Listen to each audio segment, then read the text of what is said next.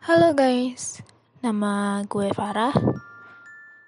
Gue mau cerita sedikit tentang kisah horor yang pernah gue alamin. Sebelumnya, gue tinggal di daerah Depok. Lebih tepatnya, ya di Cimanggis. Langsung aja gue ke cerita.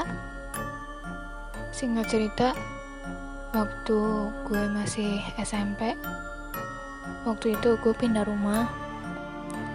Dari rumah nenek gue ke perumahan gak jauh dari rumah nenek gue. Waktu itu sore sekitaran jam 3 gue sebenarnya udah disuruh sama mama gue untuk bawain tas-tas kecil dan barang-barang yang bisa diangkut pakai motor katanya sih biar pas pindahan barang yang gak kebanyakan.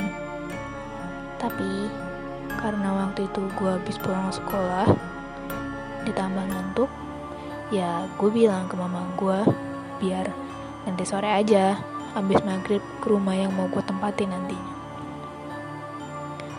Dan sebenarnya mama gue langsung marah di situ karena kata mama gue itu kesorean dan sepi karena maghrib untuk naruh barang-barangnya.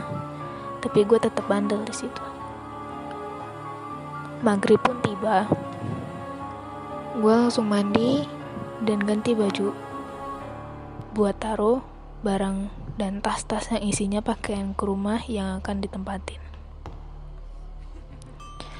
Pas itu gue berangkat satu motor berdua sama kakak gue cewek karena kalau sendiri pertama gue nggak berani. Kedua ditambah juga ya tas yang gue bawa itu lumayan berat dan banyak. Karena isinya baju dan segala macem. Dan sore itu pun gue berangkat sama kakak gue menuju rumah yang akan gue tempatin. Di jalan azan, azan maghrib pun berkumandang. Rumah yang akan gue tempati itu sangat terperosok sebenarnya. Masuk ke perkampungan kecil sama banyak buat kebun-kebun singkong. Dan ya sebenarnya di belakang perumahan itu emang ada kali dan terkenal banget sering ada anak-anak kecil yang tenggelam. Akhirnya gue pun sampai. Sesampainya di perumahan itu, gue disambut di depan gerbang oleh satpam yang ditanya mau ke mana dek. Jawab gue, oh ini pak, saya mau taruh barang dan tas saya ke rumahnya bu. Uh, nama pemilik rumah gue samarkan ya. Karena saya baru pindah besok. Makanya saya dan kakak saya sekalian mau lihat rumahnya pak. Dan satpam tersebut pun membiarkan gue dan kakak cewekku masuk. Sesampainya gue di depan rumah memang wajar sih rumah yang lama gak keisi pasti kotor dan banyak daun-daun kering. Dan pastinya banyak juga debu. Ya, gue pun berinisiatif buat ngebersihin halaman biar gak agak bersih. Dan di situ kakak gue udah bilang perasaan dia nggak enak, jangan kelamaan di sini. Oh iya, sebenarnya kakak gue itu emang dia dari kecil punya six sense, yaitu indra keenam. Gue udah nggak enak pas dia udah bilang gitu. Sontak, gue sama dia pun buka pintu bareng-bareng karena gue sama dia udah sama-sama punya perasaan gak enak. Pintu akhirnya kebuka. Awalnya sih emang gak ada apa-apa dan masih biasa.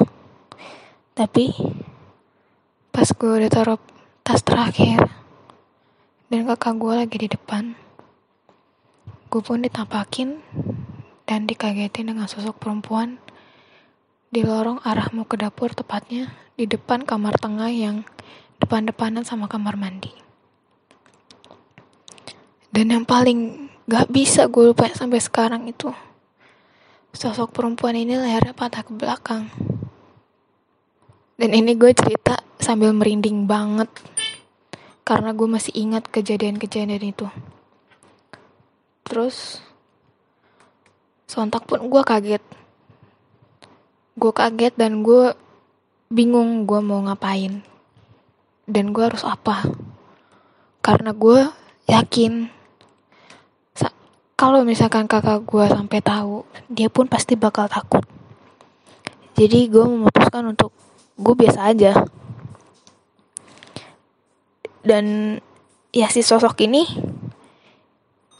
diem dengan posisi yang ngebelakangin gue badannya dan kepalanya nengok ke arah gue dengan posisi patah ke belakang.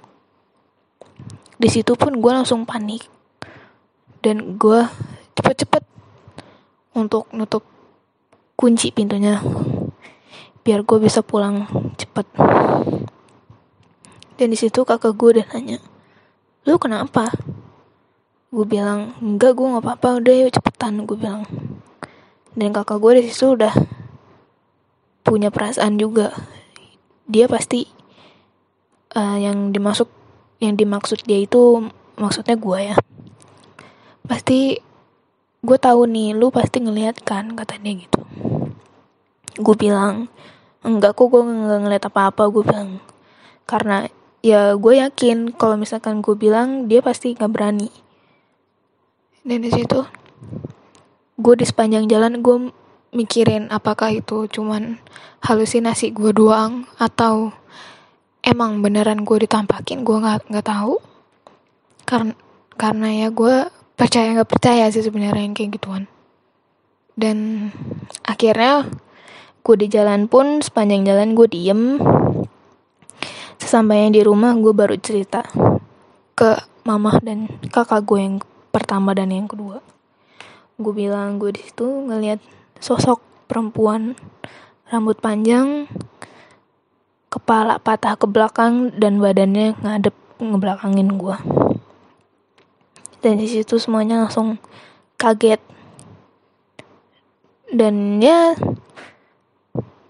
mama gue nenangin gue dengan alasan itu sih cuman halusinasi kamu doang ya seorang ibu pasti nenangin anaknya kan dan di situ gue berpikir ya udahlah gue nggak mau mikirin karena gue takut gitu ya sekian cerita gue itu aja sebenarnya masih banyak lagi sih kisah-kisah gue Mungkin di lain waktu gue bakal cerita lagi.